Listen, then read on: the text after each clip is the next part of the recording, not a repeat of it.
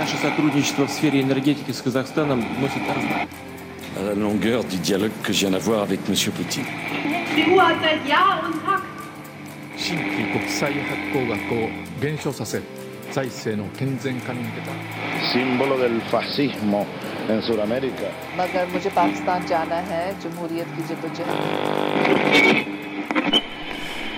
Den nye politiske slagmarken er på internett.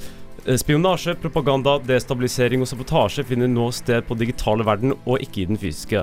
Mens noen land har få måter å motstå de digitale kreftene, utfører andre massive digitale angrep.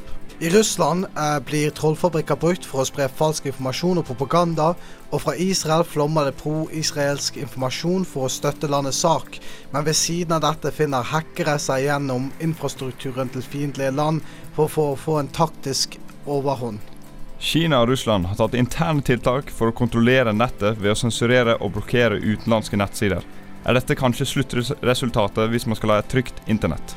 Dette er dagens tema. Du hører på Umir. Jeg heter Olav Widsvang. Med meg i studio er Snunge Vange og Rudi Sundal. Men først skal vi høte, høre Katinka med 'Yesterday'. Har du selv hatt samtale med Meshal? Kan vi ikke ta eh, opp opptaket på dette eh, på ny? Hvis du heller ikke fikk med deg alle spørsmål, kan du høre alle våre sendinger på iTunes og srib.no. Ja, da er vi tilbake. Eh, I dag er sendingen Internett og hvordan det er den politiske slagmarken i dag. Og Snorre, hvordan ble den slik egentlig? Ja, det, det begynte jo med evolusjonen av internett, men det som har skjedd nå i dag, det er jo at, at alle kan delta i den offentlige debatten om uh, ulike tema. Så det man har sett nå, det er en utvikling av den deliberative demokratiet. Altså vil si at kraften i det bedre argument, det som Jørgen Habermas snakket om. Men det handler jo litt mer om den suksessfulle altså samtalen mellom flere personer. Så hvis den brytes ned på et eller annet tidspunkt, så gjør jo det sånn at f.eks. hvis du har en uærlig aktør, så blir jo dette enormt vanskelig å oppnå. Eh, og Et godt eksempel på det når det gjelder uærlige aktører, sånn, så har du f.eks. i USA, hvor det har blitt eh, stor eh, mistillit mot nyhets nyhetsorganisasjonene, fordi at eh, de blir eid av ganske mange mektige og velstående personer i USA.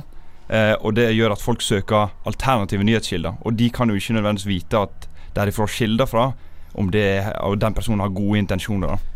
Det, det, det er viktig også å skille mellom altså, alternative medier som er legitime, og alternative medier som ikke er så veldig legitime. For at er her spørsmålet kommer inn om det er en destabiliserende faktor som utspiller seg digitalt, som gjør at hva skal jeg si, Før hvor det vil bruke spionasje til å destabilisere, nå bruker man enkeltindivider i andre land som brikker i det politiske spillet. Ja, helt riktig. Og eh, når det gjelder å destabilisere land, da, så er det det at du kan utføre f.eks. Eh, du kan utføre for eksempel cyberangrep, da. Eller eh, du kan f.eks. Eh, lage en nettside som eh, eh, pumper ut falsk informasjon eh, til folk. Du kan også ha sånne hackeangrep altså av større Du har f.eks. Wikileaks, som har vært enormt viktig øh, i, i denne prosessen.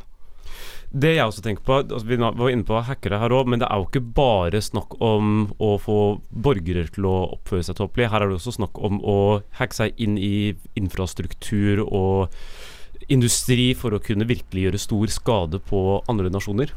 Ja, altså vi ser jo eksempel på at uh, under valget i USA så var det noe som ble glemt, og det var jo det at Russland gjorde et enormt cyberangrep uh, på infrastruktur i USA, og det gjaldt atomkraftverk, strømnettverket, jeg mener det var helsetjenester, og eh, det de kan ta ut ifra dette her, er jo personopplysninger og eh, opplysninger om hvem som eh, har f.eks.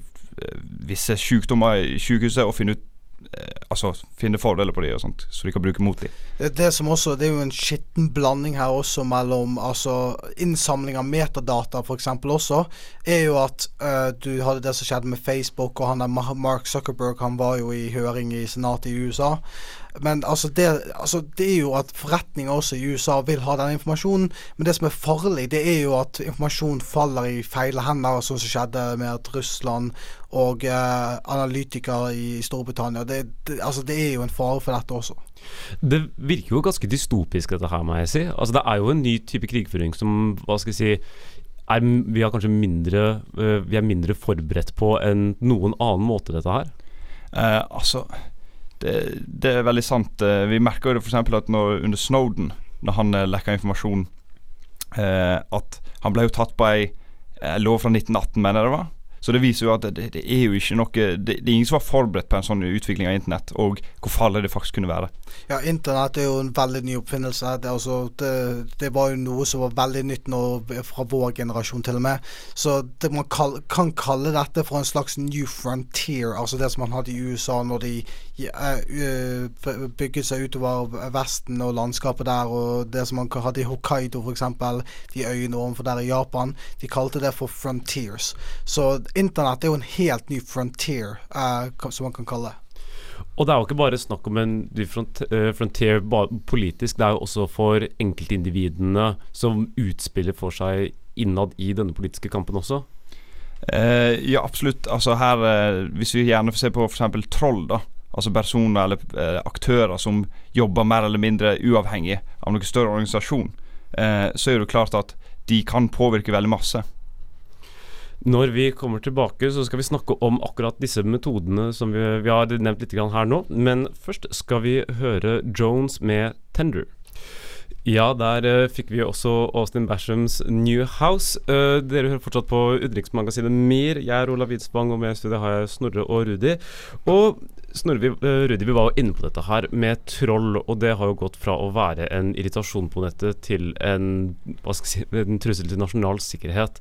Kan du utdype litt hva som har skjedd? Ja, altså Det som er med nettroll, er at de alltid på jakt etter next hype. Så de, de blir alltid bedre. De, de, de, øver seg på det de driver med.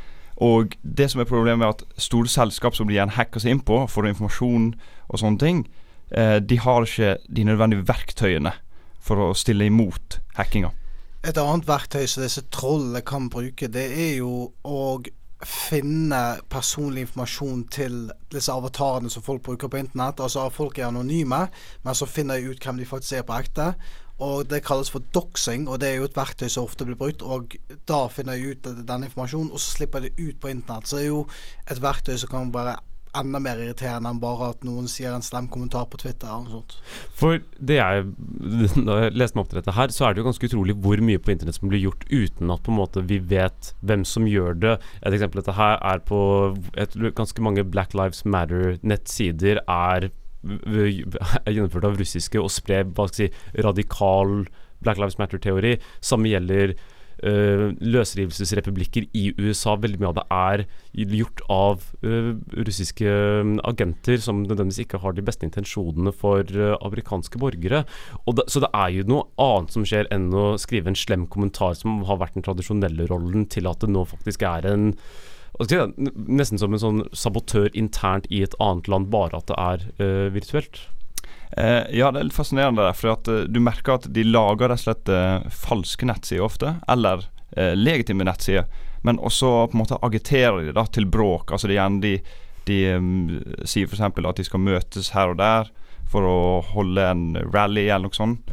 Og det kan jo være med på å destabilisere et land. da det, det, som ofte skjer, det er jo at grunnen til at det destabiliserer, det er for at det er en reell politisk situasjon som faktisk skjer. Og så kommer disse inn her, og så rører de opp under, og så begynner de å brenne opp og fyre opp under. Og det er jo det som er problematisk her.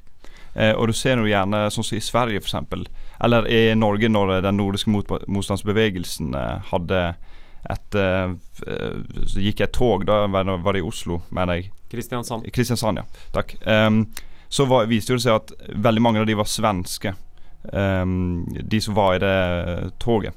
Uh, og man kan jo undre seg om hvor de har fått informasjon fra, og om den nettsida uh, har de gode, gode, intensjoner. Da. Jeg vil jo si at Parallellen man kan ta med den demonstrasjonen, er jo på mange måter at hvis man har Eh, en demonstrasjon av nynazister i Norge. Man ser at mesteparten av dem er svensker, så man, kan man kanskje senke skuldrene litt her, men i en virtuell verden, hvis man får for seg at det er kjempemange som støtter en sak som er kanskje for deg urovekkende, men så lærer man og man ikke kan vite om de er fra ditt land, så er det jo her en ekstremt destabiliserende faktor som er vanskelig å kunne se hvilken som er sann og hvilken som er usann.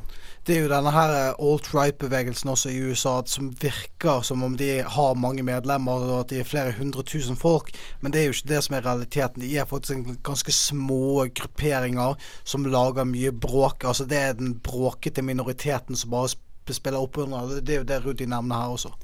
Her er det jo veldig interessant å se med disse trollfabrikkene. Man har jo fått en mye dypere innblikk i dette her i spesielt Russland, hvor man ser at det er faktisk øh, altså, selskaper som man kan hyre inn omtrent for å spre informasjon om et visst emne som man har lyst til å spre til et annet land, da, gjennom å ha folk som kan sitte og gjøre akkurat dette her.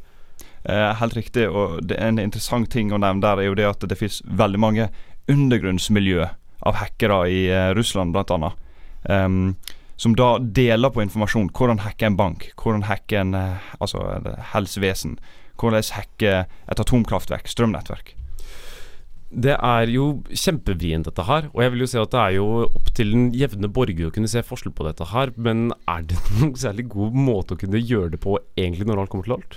Nei, det er jo det som er problemet. Det er jo at folk ofte er, er ikke kritiske nå. Det handler om kildekritikk. Altså, vi må være kritisk. Når vi kommer tilbake, så skal vi fortsette denne praten, men nå skal vi ha en uh, kommentar av vår medarbeider Kjersten Bråten om akkurat dette emnet her. Håper dere følger med. Se me sanciona porque convoco a elecciones generales para que el pueblo vote libremente y elija una institución como la Asamblea Nacional Constituyente. Forstår du ikke hva Venezuelas president Nicolas Maduro sier her? Frykt ikke, for utenriksmagasinet MIR rapporterer på hele Latin-Amerika og resten av verden, slik at du kan få med deg de viktigste utenriksnyhetene. Internett har gitt oss en rekke nye medieplattformer, som sosiale medier og nettforum. Flere kan dermed enkelt delta i politikken. Er dette utelukkende positivt, eller kan det også være en trussel mot demokratiet? Frie, mangfoldige og uavhengige medier samt pressefrihet er noe vi i moderne demokratier ser på som en forutsetning. I tillegg til at media er en viktig informasjonskilde, bruker vi media til å ytre oss, stille spørsmålstegn ved politikken som utformes, og til å ta opp utfordringer i samfunnet. Vi stoler som regel blindt på at det som blir publisert i media, er den rene sannhet. Men hva skjer da, når de tradisjonelle mediene blir utfordret av sosiale medier og åpne forum? I de tradisjonelle mediene, aviser, radio og TV, er det en redaksjon som passer på at informasjonen som blir gitt ut, er korrekt. De får hardt gjennomgå dersom informasjon skulle vise seg å være usann, eller bare 99% sann. I de nyere medieplattformene finner vi ingen slike mekanismer. Det er fritt frem til å ytre seg og skrive det man vil om det aller meste. En styrke for demokratiet der flere kan bli hørt og få delta i samfunnsdebatten, kan man argumentere for, men det er ikke helt uten utfordringer. Når man henter informasjon fra f.eks. sosiale medier, er det fort gjort at man tar dette for god fisk uten å sjekke opp om det man leser, faktisk stemmer. Spesielt hvis man i utgangspunktet ikke leser mye nyheter eller engasjerer seg i nyhetsbildet, henter man ofte informasjon på andre arenaer enn de tradisjonelle mediene. F.eks. sosiale medier brukes hyppig til å spre informasjon. Facebook bl.a. kryr over av politiske grupper og forumer, samt personer som bruker profilen sin til å spre sine egne meninger. Dette gjør at selv den som er totalt uinteressert i politikk, i ny og ne kommer over politiske innlegg og nyheter. At denne typen informasjon er såpass tilgjengelig, kan føre til et økt engasjement og politisk deltakelse. Men på hvilket grunnlag? Ønsker vi at disse sosiale mediene skal ta over samfunnsdebattene? Nettet er fullt av nettroll og personer som ikke har noe som helst faktagrunnlag for sine egne ytringer, og påvirker enkelt dem som er av samme typen. Spørsmålet er da om all politisk deltakelse er positiv deltakelse. Når det er sagt, fungerer disse nye mediene godt for å høre stemmer som ellers ikke blir hørt. Både de som er for unge til å kunne stemme, og de som ikke har stemmerett av andre grunner. Det er en god og tilgjengelig mulighet til å påvirke samfunnet utenom selve valgordningen, og bidrar til at en større del av befolkningen blir hørt. Sosiale medier er godt etablert i store deler av verden, og det er mye positivt ved det som kan bidra til å bevare demokratiet. Det kan også ha en positiv effekt i stater som ikke er like demokratiske. Sosiale medier er vanskeligere for staten å kontrollere enn de tradisjonelle mediene, og flere vil da kunne spre krav om demokratiske rettigheter og reelle samfunnsforhold. Det krever flere og flere tiltak fra statens side for å kunne sensurere alt som blir publisert på nettet. Moderne medier, og da spesielt sosiale medier, har slik jeg ser det, både positive og negative sider med tanke på den demokratiske utviklingen. Men én ting er sikkert, de har kommet for å bli. Derfor er kanskje det viktigste vi kan gjøre å være kritiske på hvor vi henter informasjon og hvem som har publisert det. Vi må også håpe på at folket fortsatt bruker stemmeretten sin, og ikke kun bidrar politisk gjennom sosiale medier og nettforumer. Hei, det er Marte fra Jentegarderoben. Du hører på utenriksmagasinet Nyere.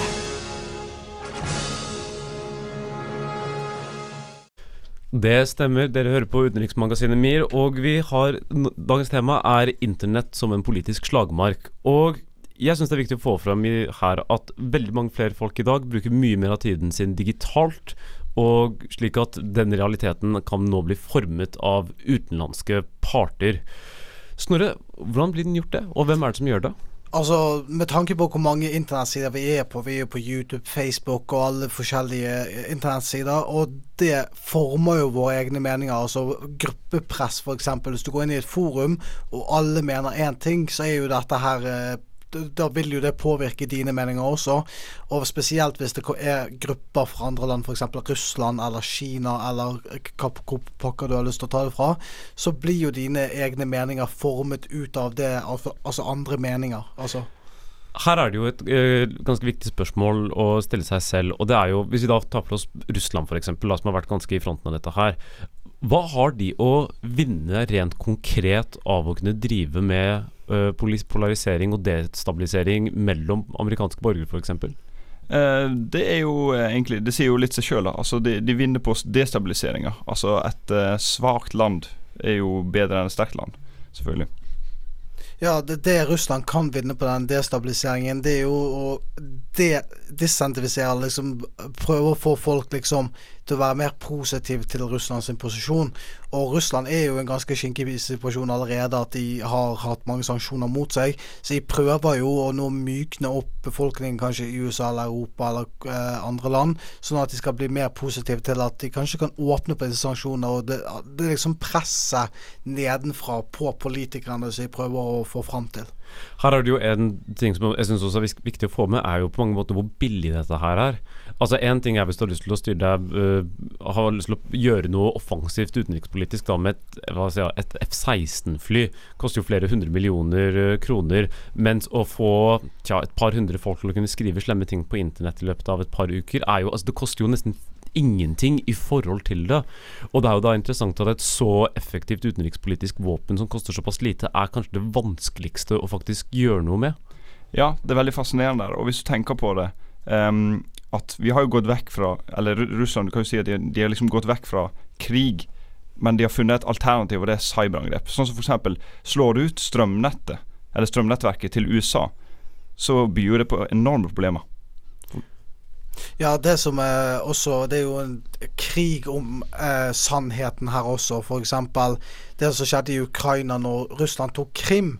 Så mente jo Russland at, eh, at USA og Vesten hadde blandet seg inn i det ukrainske valget rett før for å innsette en mer pro-EU altså parti. Så det er jo en slags eh, krig om sannheten her også. Hva er det faktisk om sannheten? Og hvordan denne her sannheten som disse eh, perspektivene fører fram, hvordan disse blir faktisk brukt til å rettferdiggjøre ting som kanskje ikke kan bli rettferdiggjort i det hele tatt. Altså Du ser jo sånne ting på internett, at det, sånn som USA for eksempel, stadig prøver å bryte gjennom Kina sin um, firewall. da, og du ser jo da, Det er jo et ønske om å forandre de, eh, eller å vise de andre kulturer, eller hvordan det fungerer i andre land, for å påvirke de. Ja, det, altså det som er mest effektivt, egentlig, i min mening, til å påvirke folk, det er jo filmer og underholdning generelt. Altså, hvis folk ser f.eks. En, en film fra USA, så vil jo de bli påvirket av dette, og faktisk at kapitalismen er kanskje ikke så dårlig. Og det er jo en slags krig om sannheten igjen. Det, det, altså det, et annet land som har kanskje drevet på med litt dette her, er jo også Israel, hvor man ser på veldig mange nettartikler at hvis man, det er noe som er negativt innstilt mot israelsk for, la oss si, innenriks- eller utenrikspolitikk, så får man jo også en sånn brigade med pro-israelske komment kommentatorer. Litt kort om det, Rudi? Uh, ja, altså det, da har du IDF, da, Israeli Defense Force, som har um, ansatt studenter gjerne f.eks. i USA eller i Europa, eh, til å gjøre dette arbeidet og angripe nettsider som Wikipedia f.eks. hvis det står noe negativt om Israel, eller som sagt kommentere på andre kritiske artikler og sånne ting. Ja, og disse, dette blir jo også brukt å liksom Altså få sympati i Vesten for det, Israels posisjon. For at Israels posisjon i Midtøsten er jo litt kinkig, og de vil jo fortsatt ha støtte fra Europa og USA. Eh, nå skal vi ta, uh, få høre et lite intervju med Roar Thon, fagdirektør for sikkerhetskultur for Nasjonal sikkerhetsmyndigheter. Men først skal vi høre ridderne og med saker at leva for. Hvem var statsminister før Erna Solberg? Eh, det var en mann. Thomas. Hvilke partier sitter i regjering? Arbeiderpartiet. SV. Eh, Venstre. De Grønne. Vigrid. Hvilken jobb har Sylvi Listhaug? hvem er det? Jeg har aldri hørt om henne. Hun er journalist. Jeg er ikke utenriksminister. Kunnskapsminister. Hev kunnskapsnivået ditt ved å høre på utenriksmagasinet MIR her på Studentradioen i Bergen. Mitt navn er Roar Thon. Jeg er til daglig fagdirektør sikkerhetskultur i Nasjonal sikkerhetsmyndighet. Som er et direktorat, eh, som er en forebyggende sikkerhetstjeneste. eh, Som rapporterer til Forsvarsdepartementet på militær sektor og Justis- og beredskapsdepartementet på sivil sektor. Det har vært et stort fokus i media på utenlandsk innblanding i demokratiske prosesser, da spesielt har Russland blitt anklaget for å blande seg inn i den amerikanske valgkampen. Med dette som bakteppe var jeg nysgjerrig på om utenlands innblanding har, har påvirka norsk politikk. Det har ikke hatt noe innvirkning på selve valgresultatet, men at man har hatt et fokus på det, bl.a. før stortingsvalget vårt, det var helt klart. Så eh, jeg, sammen med mange andre som jobbet med sikkerhet foran stortingsvalget, vi hadde bl.a. økt fokus på dette med sosiale medier. Mm. Men ikke bare fordi at eh, det kunne eksistere en rekke falske kontoer der ute, men, men også faktisk risikoen for at uh, de reelle kontoene tilhørende rikspolitikere og andre ble hacka, overtatt og brukt til å på mange måter spre falske nyheter. som kanskje ikke hadde, hadde vridd valgresultatet i noe særlig grad, men, men du kan godt tenke deg at et politisk parti som får eksponert kanskje interne stridigheter eller, eller informasjon som er mer sånn Se og Hør-aktig form, bruker opp tida si i media til å sitte og diskutere det enn å komme ut med sitt politiske budskap. Så det var et, det var et tema vi så på før uh, stortingsvalget i fjor. Så hvordan jobber de nasjonale sikkerhetsmyndighetene med å kontrollere trusler på internett?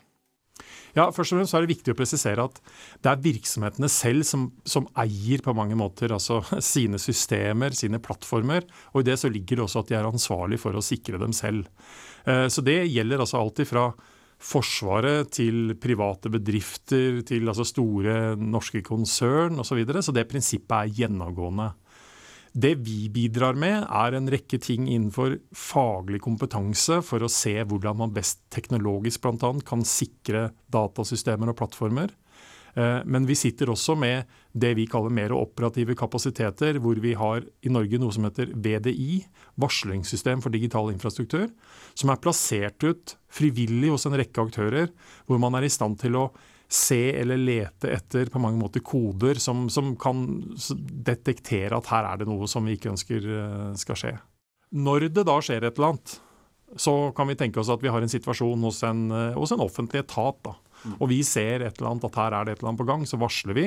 Uh, og så vil de kunne få tilbud om altså, kapasitet fra oss, f.eks. det vi kaller uh, analyse. Altså analyse av skadevare. altså rett og slett dyp teknologisk forståelse av hva er det som har skjedd her.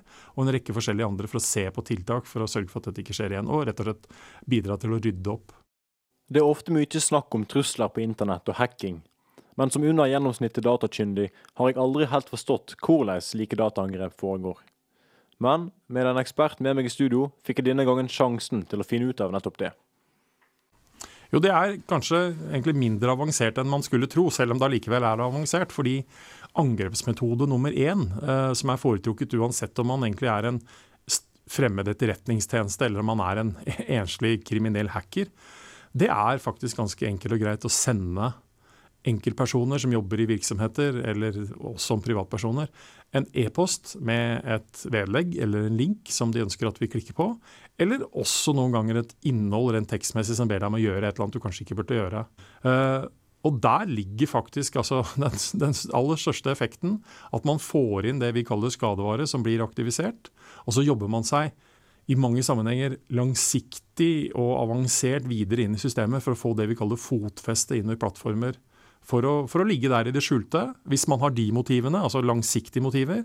Eller andre som rett og slett gjør det for å Altså Klassiske kriminelle de siste årene har jo vært å kryptere harddisken din og kreve løsepenger av deg for at du skal få innholdet tilbake igjen. ikke sant? Fordi datasikkerhet virker som en stadig heitere tema, ikke bare for norske eller amerikanske toppolitikere, men også for folk flest, var jeg nysgjerrig på hva mannen i gata kunne gjøre for å trygge seg sjøl i møte med datakriminelle.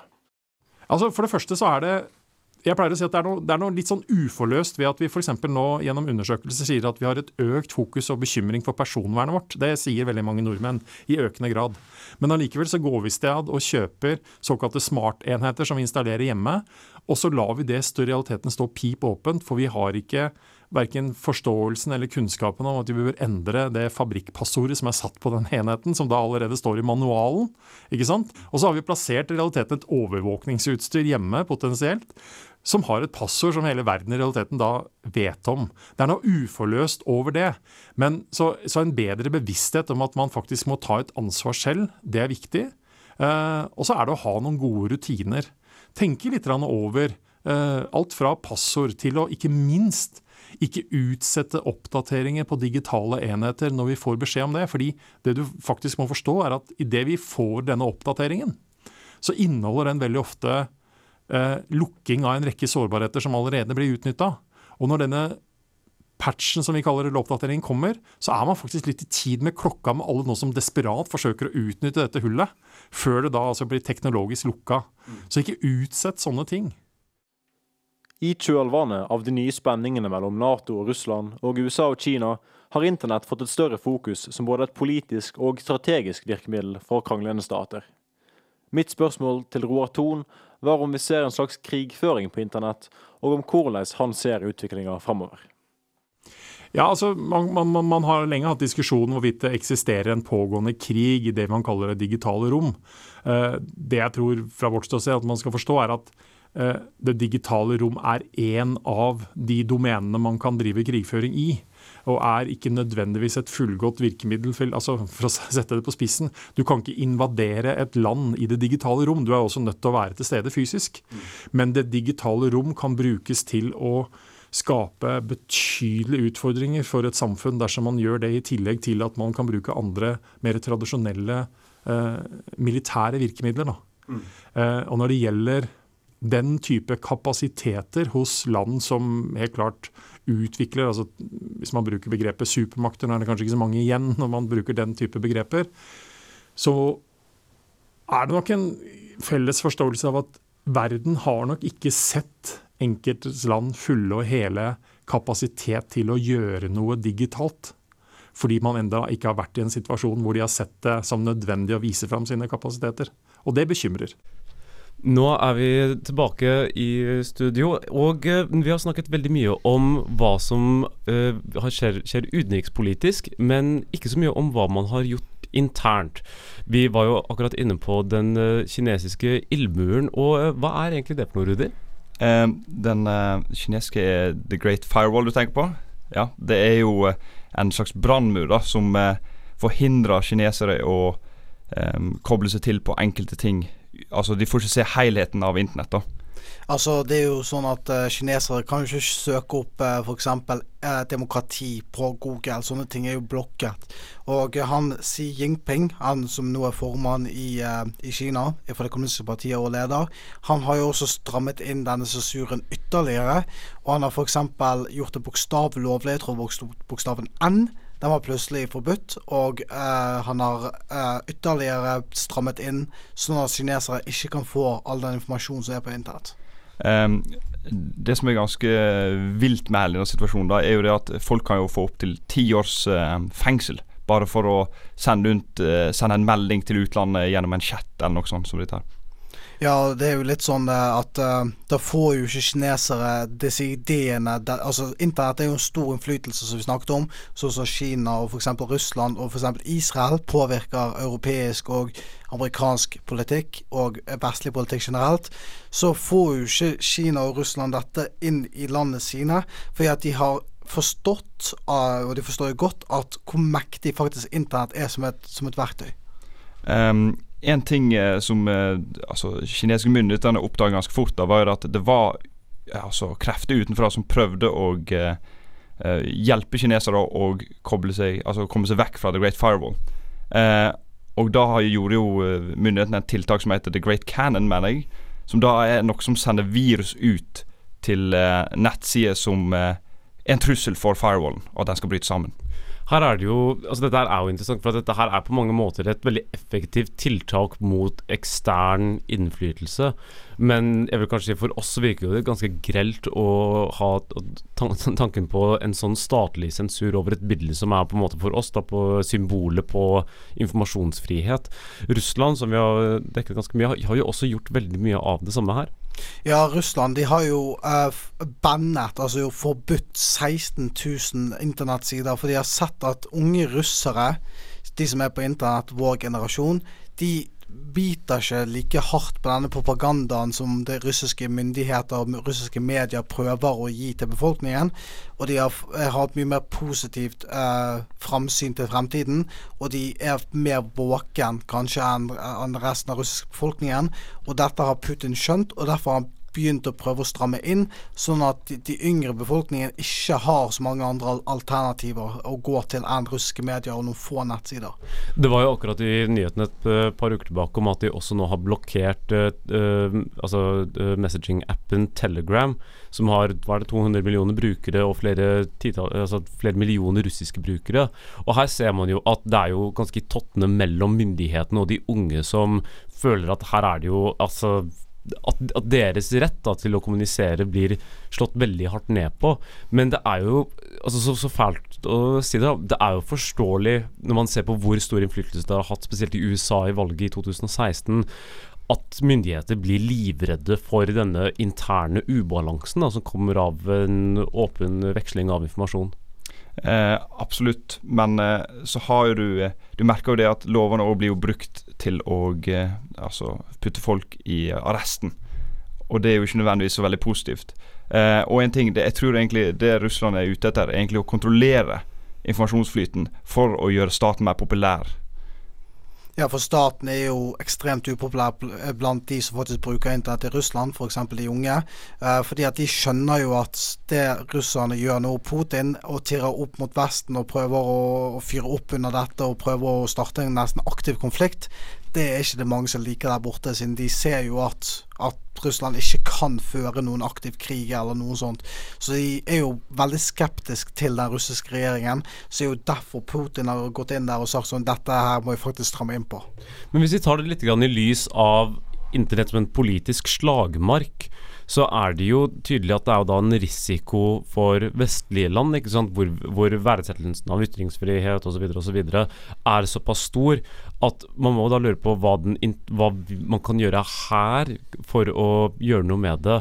Og altså, Det er jo veldig få i Vesten som vil si at en brannmur er den beste metoden å gjøre det på, men det virker jo som at det har fungert når det kommer til sånn statlig overvåkning for å kunne passe på politisk uh, uro, da. Uh, ja, absolutt. Altså Du ser jo f.eks.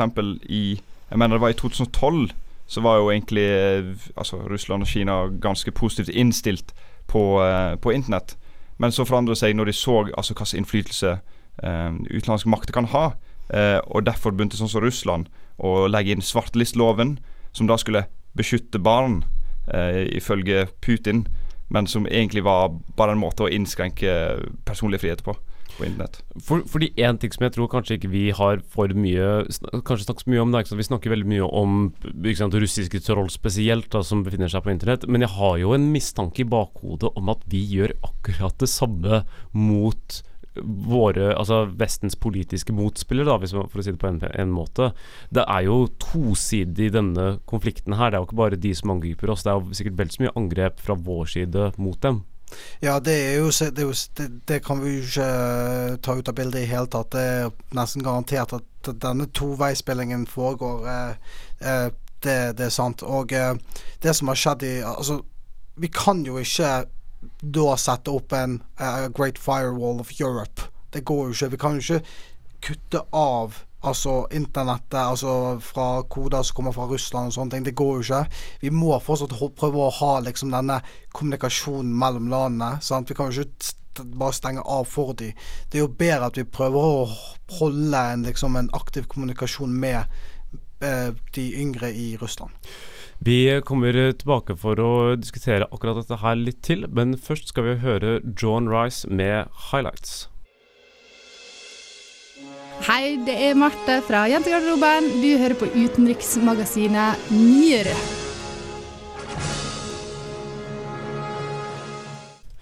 Ja, da begynner vi å nærme oss veis ende, men det er jo et spørsmål som har, vi ikke har stilt oss selv så mye i denne debatten her, og det er jo faktisk hva er det man kan gjøre for at internett skal At vi som individer ikke blir brukt som brikker på internett. Rudi?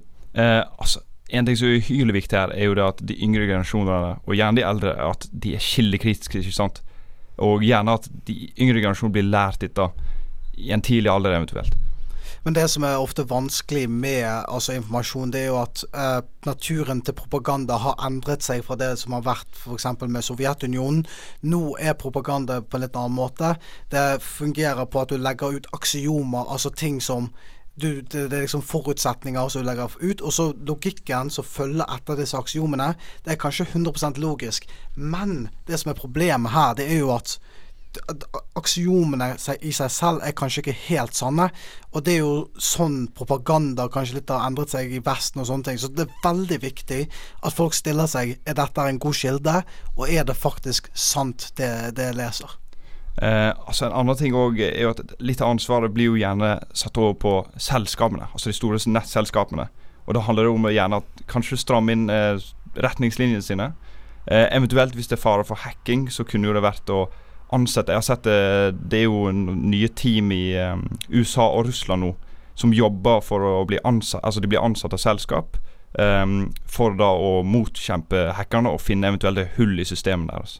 For det er jo todelt, uh, todelt spørsmål dette her. Én ting er jo det rent sånn infrastrukturmessige. At sånn Vi har ikke lyst til at uh, kraftproduksjonen vår skal uh, Eller eller hva som helst skal bli stengt utenfra. Men det er fortsatt denne interne greia om at hvordan er det man skal gjøre at massene ikke blir så lett påvirket av utenlandske aktører, og kunne greie å se forskjellen på hva som er siktet mot dem.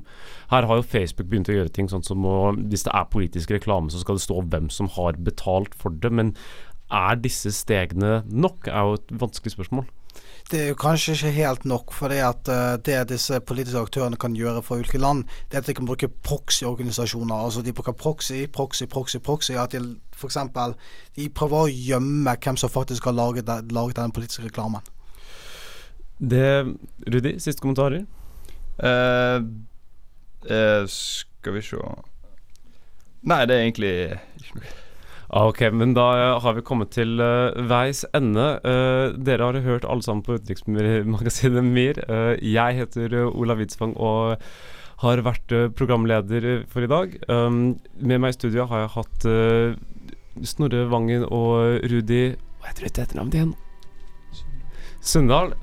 vi må også takke Kjerstin Bråtin for den fantastiske kommentaren. Men også produsenten vår som jeg også har glemt navnet på. Håper dere har en fin dag videre.